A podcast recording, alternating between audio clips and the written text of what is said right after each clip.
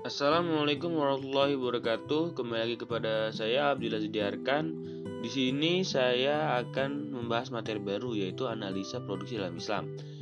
Di sini saya ditugaskan yang pertama itu menganalisa, terus yang kedua itu membuat 8 pertanyaan yang mencakup pembahasan saya.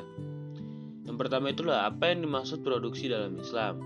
Produksi dalam bahasa Arab dengan kata al-instaj yang secara harfiah di mana, dimaknai dengan ijadu atim atau mewujudkan atau mengadakan sesuatu atau pelayanan jasa yang jelas dengan menuntut adanya bantuan penggabungan unsur-unsur produksi yang terbingkai dalam waktu yang terbatas.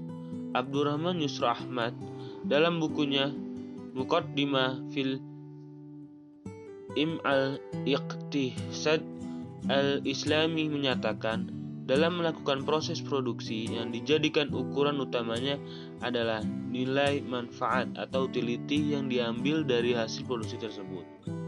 Sekian dari saya. Apabila ada kesalahan, wassalamualaikum warahmatullahi wabarakatuh.